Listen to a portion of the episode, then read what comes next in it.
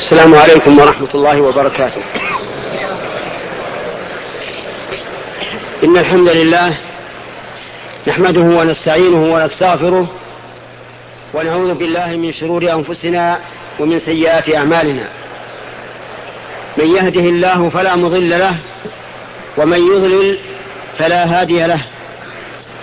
وأشهد أن لا إله إلا الله وحده لا شريك له وأشهد أن محمدا عبده ورسوله. أرسله الله تعالى بالهدى ودين الحق فبلغ الرسالة وأدى الأمانة ونصح الأمة وجاهد في الله حق جهاده. فصلوات الله وسلامه عليه وعلى آله وأصحابه ومن تبعهم بإحسان إلى يوم الدين. أما بعد فإنه يسرني أن ألتقي بإخواني هنا في المسجد النبوي مسجد النبي صلى الله عليه وعلى آله وسلم في الليلة السادسة عشرة من شهر رمضان عام ستة عشر وأربعمائة وألف. وأسأل الله تعالى أن يغفر في هذا الشهر ذنوبنا وأن يرفع درجاتنا وأن يتقبل منا وأن يجعل شهرنا شهر خير لنا وللمسلمين عامة. إنه على كل شيء قدير. كنت أريد أن أتكلم عن موضوع الزكاة. عن موضوع الزكاة. لكن عن لي أن أتكلم عن مسألة مهمة. قبل أن أتكلم عن موضوع الزكاة. ألا وهي كتاب الله عز وجل. هذا الكتاب الذي أنزله الله عز وجل على محمد صلى الله عليه وسلم فهو أشرف الكتب نزل على أشرف الرسل على محمد صلى الله عليه وسلم وهو كلام الله حقيقة تكلم به وألقاه إلى جبريل وجبريل نزل به على قلب النبي صلى الله عليه وسلم. قال الله تعالى وإنه لتنزيل رب العالمين. نزل به الروح الأمين على قلبك لتكون من المنذرين. إنه الضمير يعود على القرآن.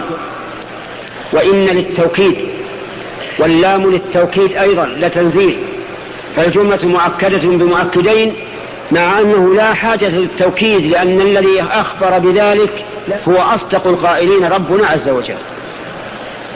لكن كما جرت عادة العرب في خطاباتهم أن يؤكدوا الأمر أن يؤكدوا القول لأمر عظيم. وهكذا جاء طريق القرآن الكريم لأنه نزل باللسان العربي لتنزيل رب العالمين ليس تنزيل فلان أو فلان. رب العالمين.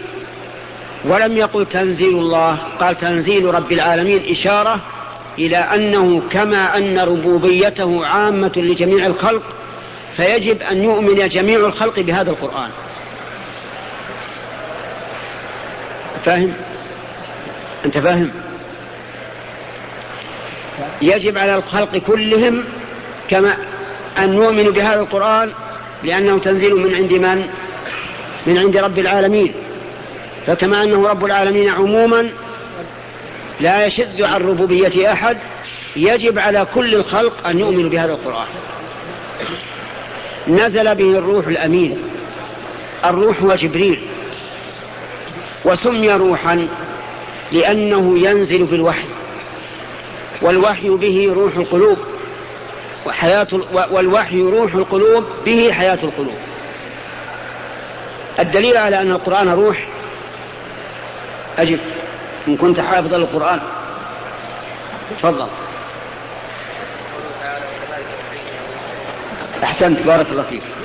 قول الله تعالى وكذلك أوحينا إليك روحا من أمرنا. ما كنت تدري ما الكتاب ولا الإيمان لأنه صلى الله عليه وسلم من الأميين من العرب.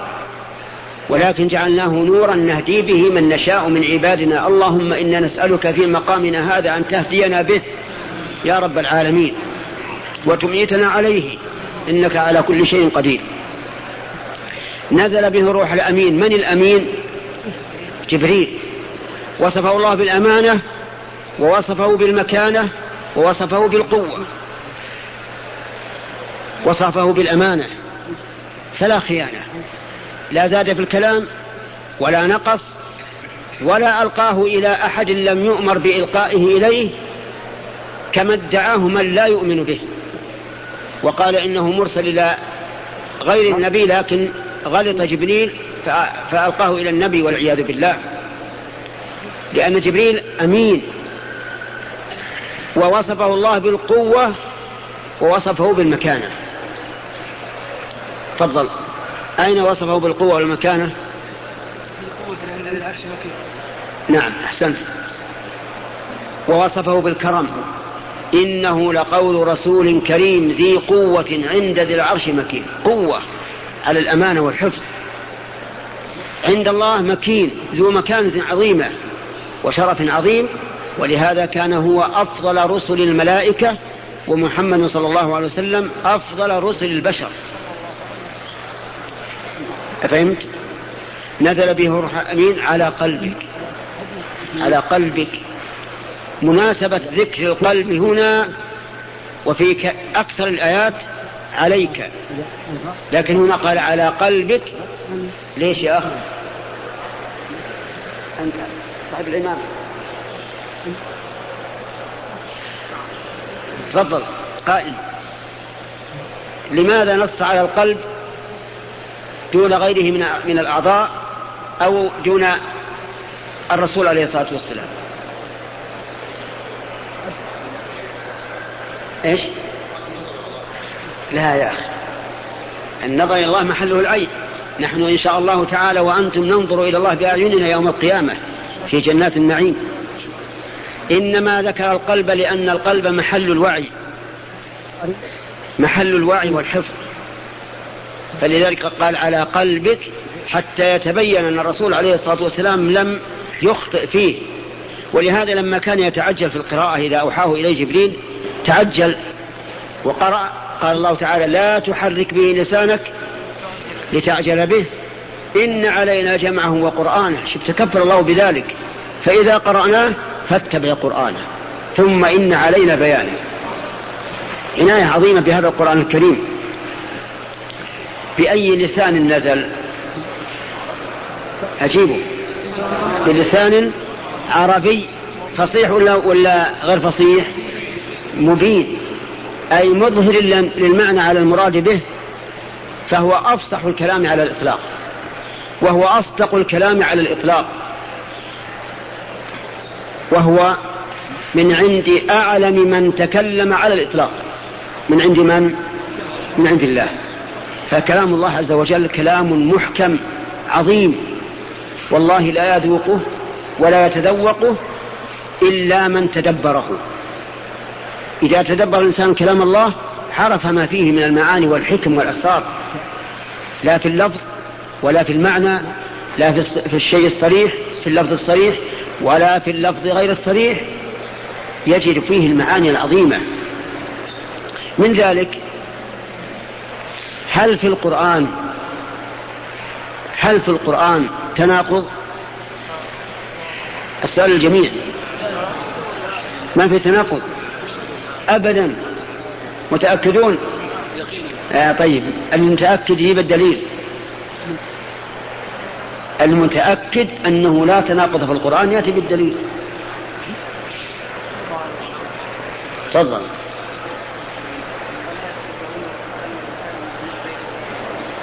أحسنت. بارك الله فيك. أفلا يتدبرون القرآن؟ ولو كان من عند غير الله لوجدوا فيه اختلافا كثيرا. لكن ما يظهر من القرآن مما يكون ظاهر التعارض أو لكن ما يأتي من القرآن مما يكون فيه ظاهر التعارض ليس على المرء إلا أن يتأنى قليلا. يتأنى ويتدبر. لأن قال أفلا يتدبرون القرآن؟ إذا تدبروه فما ظاهر التعارض يتبين أنه غير متعارض ولا يمكن أن يتعارض أبدا. فإن قال قائل يرد على هذه القاعدة آيتان من كتاب الله وهو وهما قول الله تبارك وتعالى وإن تصبهم سيئة سيئة يقول هذه من عندك قل كل من عند الله. كل يعني الحسنة والسيئة كل من عند الله. هذه آية تبين أن الحسنات والسيئات ممن؟ ممن؟ من الله من عند الله عز وجل. وفي آية أخرى ما أصابك من حسنة فمن الله وما أصابك من سيئة فمن نفسك. قسم الحسنة والسيئة إلى قسمين. الحسن من الله والسيئة من النفس. فكيف كذا فكيف يكون الجمع؟ نقول تدبر. تدبر يتبين لك الجمع. أما الآية الأولى فإن أولئك القوم اتهموا الرسول عليه الصلاة والسلام بأنه إذا أصابتهم سيئة تطيروا بالرسول. وقالوا هذا منك يا محمد. فبين الله تعالى أن إيش؟ أن كل شيء من عند الله. كل شيء من عند الله. وأما الثانية ففيها بيان السبب. سبب السيئة التي تصيب العبد نفسه نفس العبد. والدليل على هذا قوله تعالى وما أصابك وما أصابكم من مصيبة إيش؟ فبما كسبت أيديكم ويعفو عن كثير. إذا إضافة السيئة للعبد من باب إضافة السبب إلى المسبب وإضافتها إلى الله من باب إضافة المخلوق إيش؟ إلى إلى الخالق. فانفكت الجهة وحينئذ لا تناقض. كذلك أيضا ذكر الله أنه في يوم القيامة تبيض وجوه وتسود وجوه. تبيض وجوه وتسود وجوه. وفي آية أخرى قال ونحشر المجرمين يومئذ زرقا. والسواد والزرقة بينهما فرق. فكيف كان ذلك؟ يأتي إنسان مضلل يقول هذا القرآن متناقض. نقول لا تناقض. يتناقض عندك لأنك لم تريد الاهتداء به. ولو أردت الاهتداء به لتبين لك أنه ليس بمتناقض. يوم القيامة كم مدته؟ ها؟ خمسون ألف سنة. نحن نرى في الدنيا تتغير الأمور في خلال عشر سنوات. وتتغير الوجوه في خلال عشر سنوات. يوم القيامة خمسون سنة ألا يمكن أن تتغير الوجوه من سواد إلى زرقة أو من زرقة إلى سواد؟ أجب يا جماعة. بلى. ألا يمكن أن يكون بعض الناس يحشر ووجهه أسود وآخر يحشر ووجهه أزرق وذلك لاختلاف جرائمهم. فإما أن يقال إن المدة طويلة تتغير الوجوه فيها وإما أن يقال إن الجرائم تختلف فيحشر كل إنسان على حسب جريمته. وعلى هذا فقس. وما أحسن الوقوف على ما ألفه الشيخ محمد الشنقيطي رحمه الله صاحب ضوء البيان في رسالة سماها دفع إيهام الاضطراب عن آي الكتاب. كتاب جيد يبين فيه الآيات التي ظاهرها التعارض وأجمع بينها. لكني أنا أذكركم بأن كلام الله عز وجل أعلى الكلام وأصدق الكلام وأحسن الكلام وأبلغ الكلام وأنه لا يمكن أن يوجد فيه تناقض. ومناظرة نافع بن الأزرق لابن عباس في هذه المسائل المشهورة.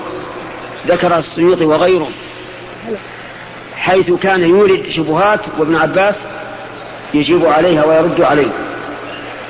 ثم الآن نبتدئ ما كنت قد عزمت على الكلام. فيه ألا وهي الزكاة. وإن كنت أظن أن كثيرا منكم قد تبين له كثير من أحكامها لكن لا مانع من أن ندري بيد الوناء مع إخواننا الذين تعلمتم على أيديهم فنقول أولا الزكاة ما مرتبتها في الدين وما حكمها. مرتبتها في الدين أنها ركن من أركانه. ركن من أركانه. وهي الركن أسأل واحد. وهي الركن الخامس. هكذا قال. وأخطأ في قوله. استرع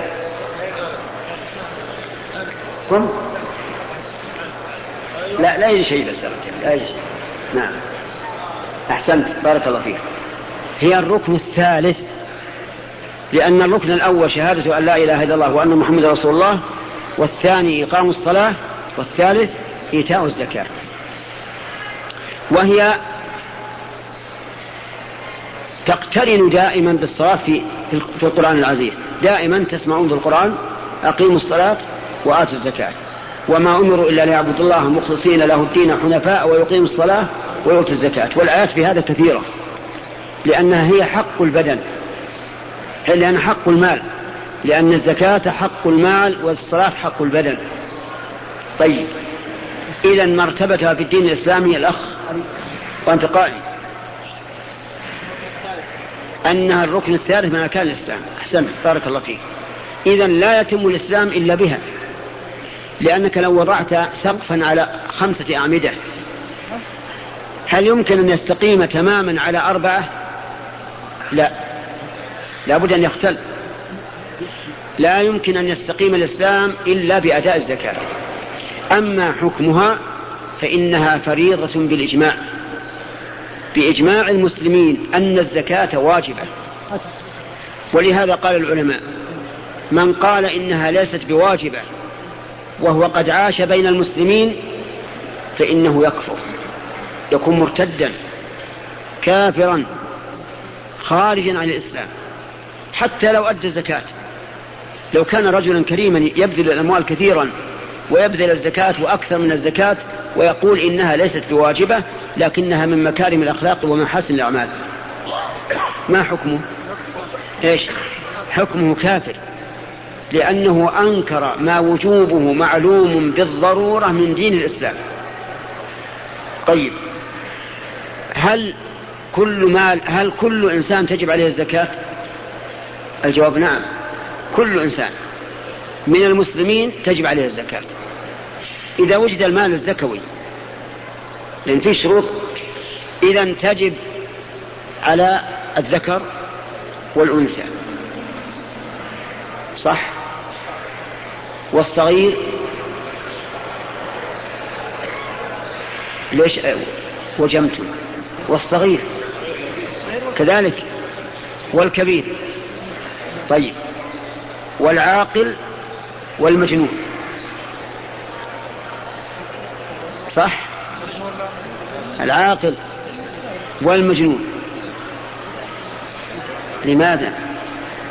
توافقون على هذا؟ والعاقل والمجنون والحر والعبد.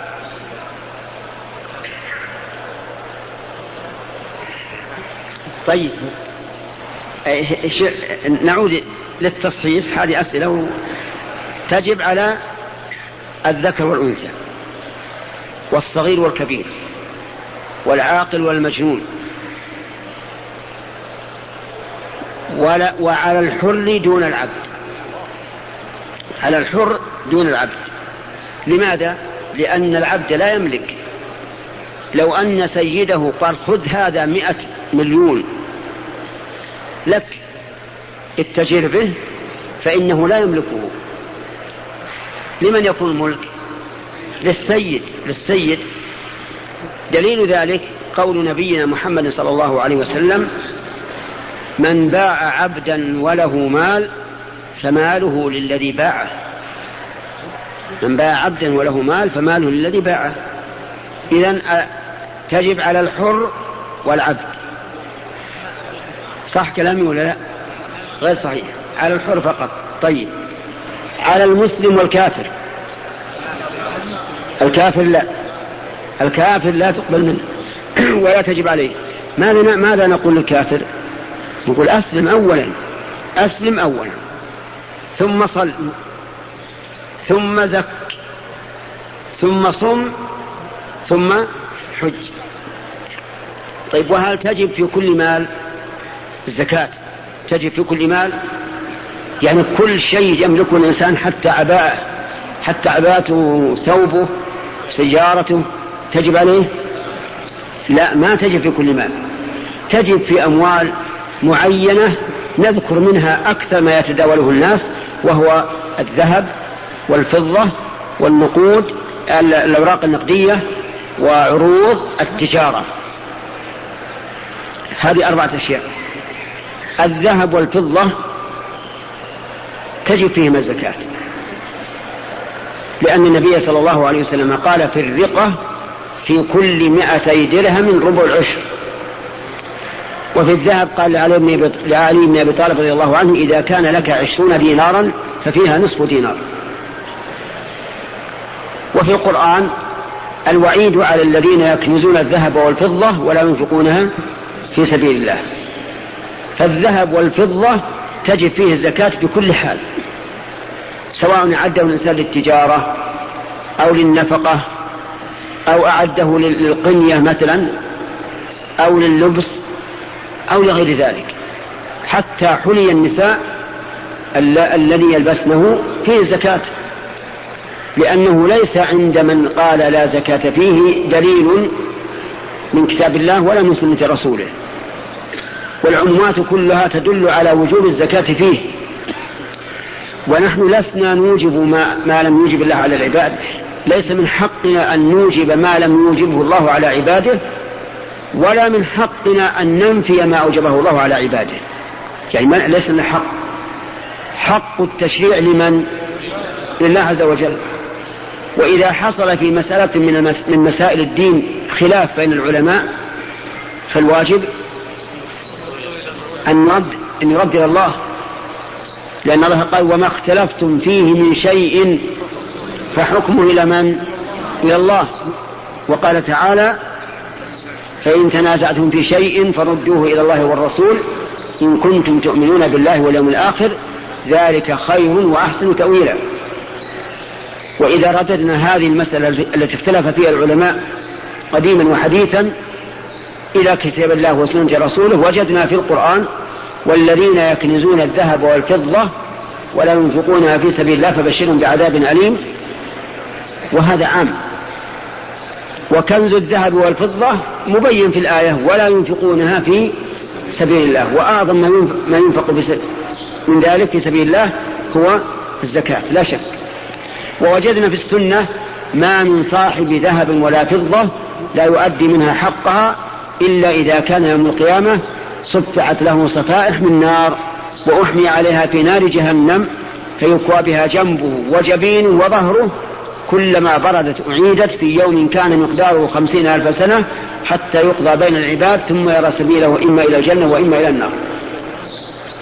وجه الدلالة؟ ما من صاحب ذهب ولا فضة. والمرأة التي عندها حلي يقال هذه المرأة صاحبة فضة صاحبة حلي صاحبة ذهب.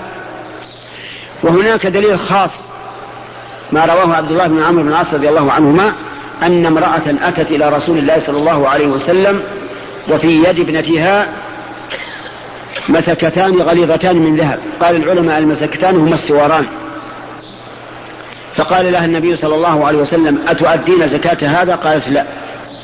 قال أيسرك أن يسورك الله بهما سوارين من نار؟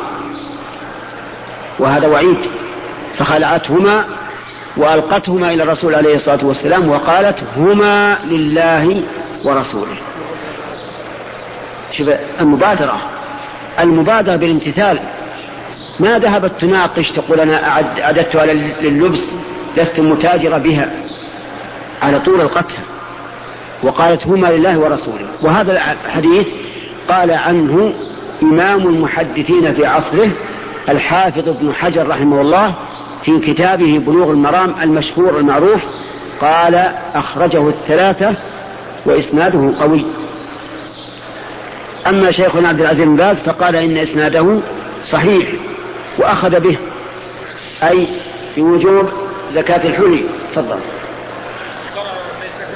لا فيه بس استرح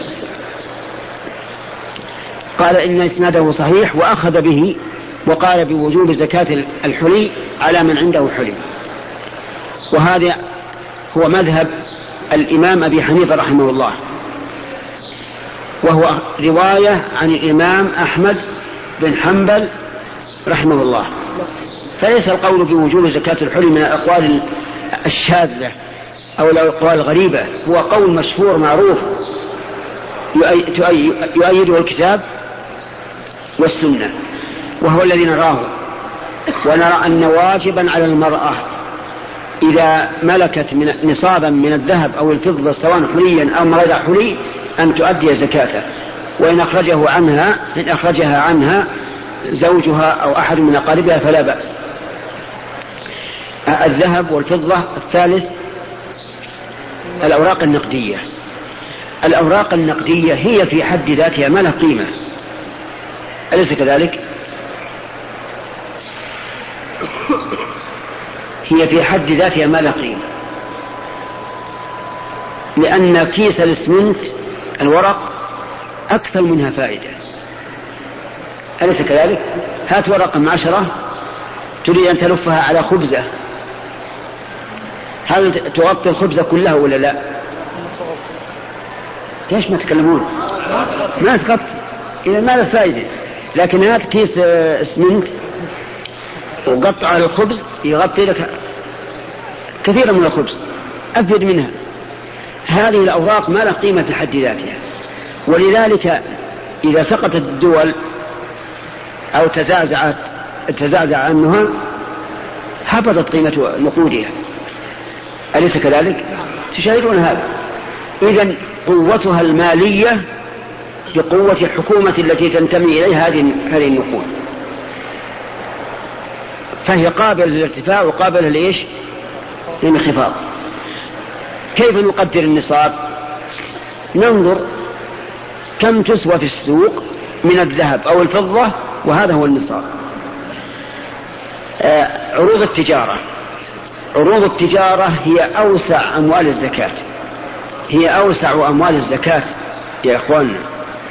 لأن لها ضابطا وحدا وليس لها عدا. أقصد وليس لها عد. انتبه لي معرب إذا أخطأت. وليس لها عد. أقول عروض التجارة. كل ما أعده الإنسان للتكسب فهو عروض تجارة. وتجب فيه الزكاة. الآن قلمي هذا. تشاهدون القلم. إذا أعددته للكتابة هل يكون عروض تجارة؟ هل تجب فيه الزكاة؟ لا. إذا أعددته للتكسب تجب فيه الزكاة أو لا تجب؟ تجب فيه الزكاة. تجب فيه الزكاة. طيب المشرع اللي عليه الآن لو إذا أعددته لللبس فيه الزكاة؟ لا. إذا أعددته للتجارة فيه الزكاة. إذا عروض التجارة كل شيء أعده الإنسان للتجارة فهو ففيه الزكاة. أي نوع من المال سواء إبل أو بقر أو غنم أو خشب أو حديد أو أواني أو فرش أي شيء. طيب الأراضي؟ تكون عروض تجارة أو لا؟ نعم. إنسان يتجه بالأراضي يبيع الأراضي ويشتري فيها يريد التكسب تكون فيها تكون عروض تجارة فيها الزكاة. إذا أوسع أنواع الزكاة أوسع أنواع الأموال الزكوية هو عروض التجارة. فما ضابطه يا أخانا؟ قم. دنيا رجال. أنا أعلم هذا الرجل رايح سارح الظاهر من وراء بحر إيجا. طيب من اللي يعرف نعم الضابط؟ للتكسب. بارك الله فيك. هذا الضابط. الضابط كل ما أعده الإنسان للتجارة والتكسب فهو عروض تجارة أيا كان. عرفت؟ طيب يجي إنسان يقول لنا أنت قلت أن المشلح هذه ما عليه, ما على الزكاة؟ لأنه لللبس. لماذا أوجبت الزكاة في الحلي مع أنه لللبس؟ أقول لوجود الدليل. لوجود الدليل في دليل على أن الذهب والفضة تجب الزكاة بعينه. ما لأنه عروض تجارة لا بعينه. ولهذا لو كان عند الإنسان ذهب مكدس آه، كل ما احتاج باع منه وأكل. لقلنا فيه الزكاة طيب كم هذه من الذهب؟ الفضة الأوراق النقدية عروض تجارة. أما المواشي والثمار ففيها الزكاة لا شك لكن أخشى أن يطول بنا الوقت في قراءة في الكلام عليها. وأهل المواشي معروف أن أن أن غالبهم من البادية وأهل وأيضا الثمار والحبوب غالبهم المزارعون ولعل الله يستر وقت آخر حتى نتكلم عنها ولا نحب أن نطول. ولكن بقي علينا أمر ثالث. أين مصرف الزكاة؟ أين مصرف الزكاة؟ نقول إن مصرف الزكاة بينه الله عز وجل بنفسه. تولى بيانه بنفسه لم يكل بيانه إلى ملك مقرب ولا نبي مرسل. بل بينه بنفسه. فقال عز وجل وليتلو علينا الآية. من؟ تفضل. قائما. أعوذ بالله من الشيطان الرجيم.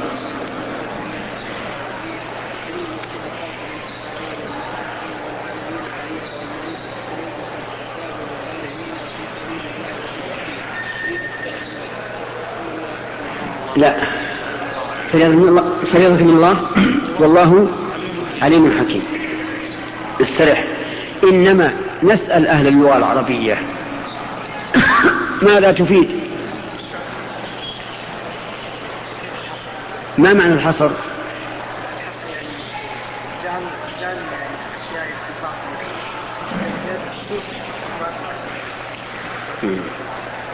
طيب. قلتها بالمعنى وجيد ما شاء الله. طيب. الحصر إثبات الحكم في المذكور ونفيه عما سواه؟ يعني أن الحكم يثبت في هذه الأشياء المذكورة ولا يثبت في غيرها. فحصر الله عز وجل أصناف الزكاة بثمانية. إنما الصدقة للفقراء والمساكين والعاملين عليها والمؤلفة قلوبهم وفي الرقاب والغارمين وفي سبيل الله وابن السبيل. ثمانية. طيب رجل صرف زكاته في بناء المساجد. أتجزي؟ لا لأن ما مثل من الثمانية؟ والله عز وجل قال فريضة من الله يعني فرض أن تكون في هذه الثمانية رب العباد عز وجل. والله عليم حكيم فلعلم وحكمته حصر في هذا. طيب هذه ثمانية. أولا الفقراء والمساكين يجمع هذين الصنفين شيء واحد وهو أن لا يجدوا ما, ما يكفيهم وعائلتهم لمدة سنة. هذا الفقير المسكين. لا يجد ما يكفيه وعائلته لمدة سنة. مثال ذلك رجل دخله في الشهر خمسة آلاف خمسة آلاف ريال في الشهر لكنه يصرف في كل شهر مع مع تمام الاقتصاد ستة آلاف. هل هذا فقير؟ المهم مسكين يعني داخل بالصنفين ذولا. ها؟ نعم تحل له الزكاة. مع أن راتبه خمسة آلاف. لكن عنده عائلة كثيرة. لا يكفيه إلا ستة آلاف. هذا الرجل نقول هو فقير. هو, هو من أهل الزكاة. سواء قلت فقير أو مسكين. طيب. كم أعطيه في في كل سنة؟ الأخ. قلت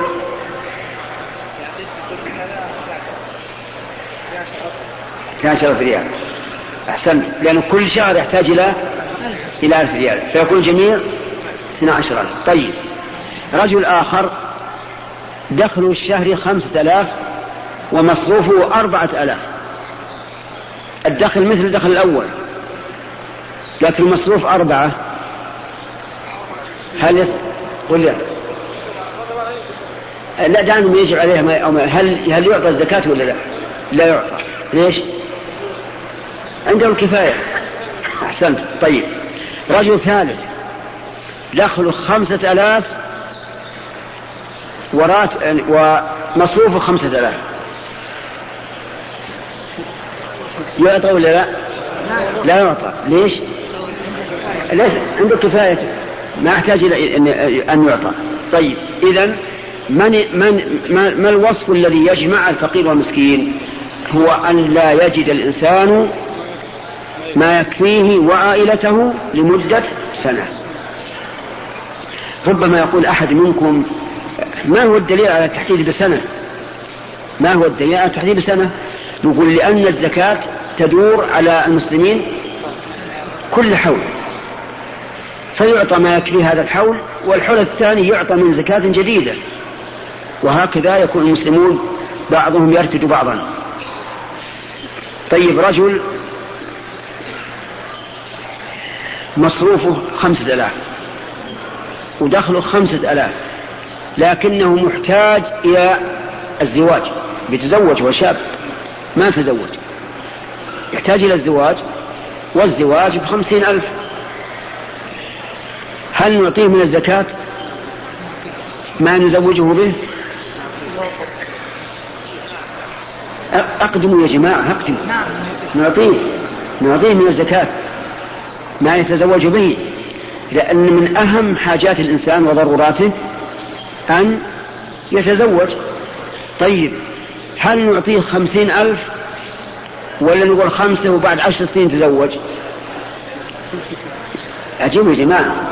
هل نعطيه هذه السنة خمسة وثانية خمسة وبعد عشر سنين يتزوج؟ أو خمسين ألف من الآن. ظاهر الشباب اللي بيقول على طول أعطوا خمسين ألف. آه، نعطيه خمسين ألف فورا. ونكمل إذا كان هناك زيادة. لأن آه، النكاح من أشد من أشد الضرورات لا سيما في هذا الوقت. في عصرنا هذا الفتن كثيرة. ومهيجات الشهوة كثيرة. فلهذا نرى أنه يعطى من الزكاة المهر ولو كثر حتى يتزوج ويعف نفسه ويعف أهله الذين يتزوجون. العاملين عليها. انتبه للتعبير القرآني. التعبير القرآني من أدق التعبير. العاملين عليها أو العاملين فيها. وبينهم فرق نعم بينهم فرق العامل على الشيء له نوع ولاية. والعامل في الشيء ليس له ولاية. ولهذا لو كان عندنا إبل للصدقة إبل للصدقة وفيها راعي يرعاها. هل لهذا الراعي حق من الزكاة؟ ليش؟ لأنه عامل فيها. لكن من ينصبهم ولي الأمر ويكلفهم اللجنة التي تكلفها الحكومة. تقول اذهبوا للناس أحسنوا أموالهم وخذوا الزكاة منهم. هؤلاء إيش؟ عاملون عليها. عاملون عليها يعطون بشرط أن لا يكون لهم راتب. إن كان لهم راتب من الدولة فليس لهم حق في الزكاة لأن راتبهم يكفي عن إعطائهم. هم عامل الراتب معناه لابد لهذا الموظف أن يعمل سواء في, في, في الزكاة أو غيرها. لكن إذا كان ليس, ليس له راتب. وكونا لجنة غير موظفة. غير موظفة. قلنا اذهبوا إلى الناس خذوا الزكاة منهم أحصوها اصرفوها في أهلها ولا هاتوها إلينا. هذا يعطى من الزكاة ويسمى إيش؟ يسمى إيش؟ عام عليها. متأكد؟ طيب أسرع. يسمى عامل عليها. أرأيتم هل يعطى هذا العامل على الزكاة ولو كان غنيا؟ مش جيد أنا بشرنت تفقيه آه يعطى ولو كان غنيا. لأن الفقراء والمساكين سبق ذكرهم. العامل عليه لو كان غني. لكن ما لم يكن إيش؟ موظفا يأخذ من مال الدولة. هذا ما يعطى منها. لكن إذا كان غني هو في نفسه فإنه يعطى من الزكاة قدر أجرته. نعم. المؤلف قلوبهم. من المؤلف قلبه؟ إنسان كافر. كافر. لكن قريب من الإسلام. لأن بعض الكفرة بعيدون عن الإسلام معاندون لا يرجى منه الإسلام. قسم آخر قريب من الإسلام تحس يشعر بأنه ود يسلم. لكن قد يكون أمه ما, ما ترضى أبوه ما يرضى وما أشبه ذلك. المهم أنك ترى منه القرب. هذا مؤلف. إنسان مؤمن لكن ضعيف الإيمان. يخشى أدنى شيء يزعزعه ويرتد. هذا أيضا إيش؟ مؤلف. يعطى من الزكاة ليقوى إيمانه. والأول يعطى من الزكاة ليدخل في الإسلام. طيب هذا يعطى. شوف رحمة, رحمة الله عز وجل بالخلق. يعطى من زكاة من أموال الزكاة لأجل أن يقوى إسلامه.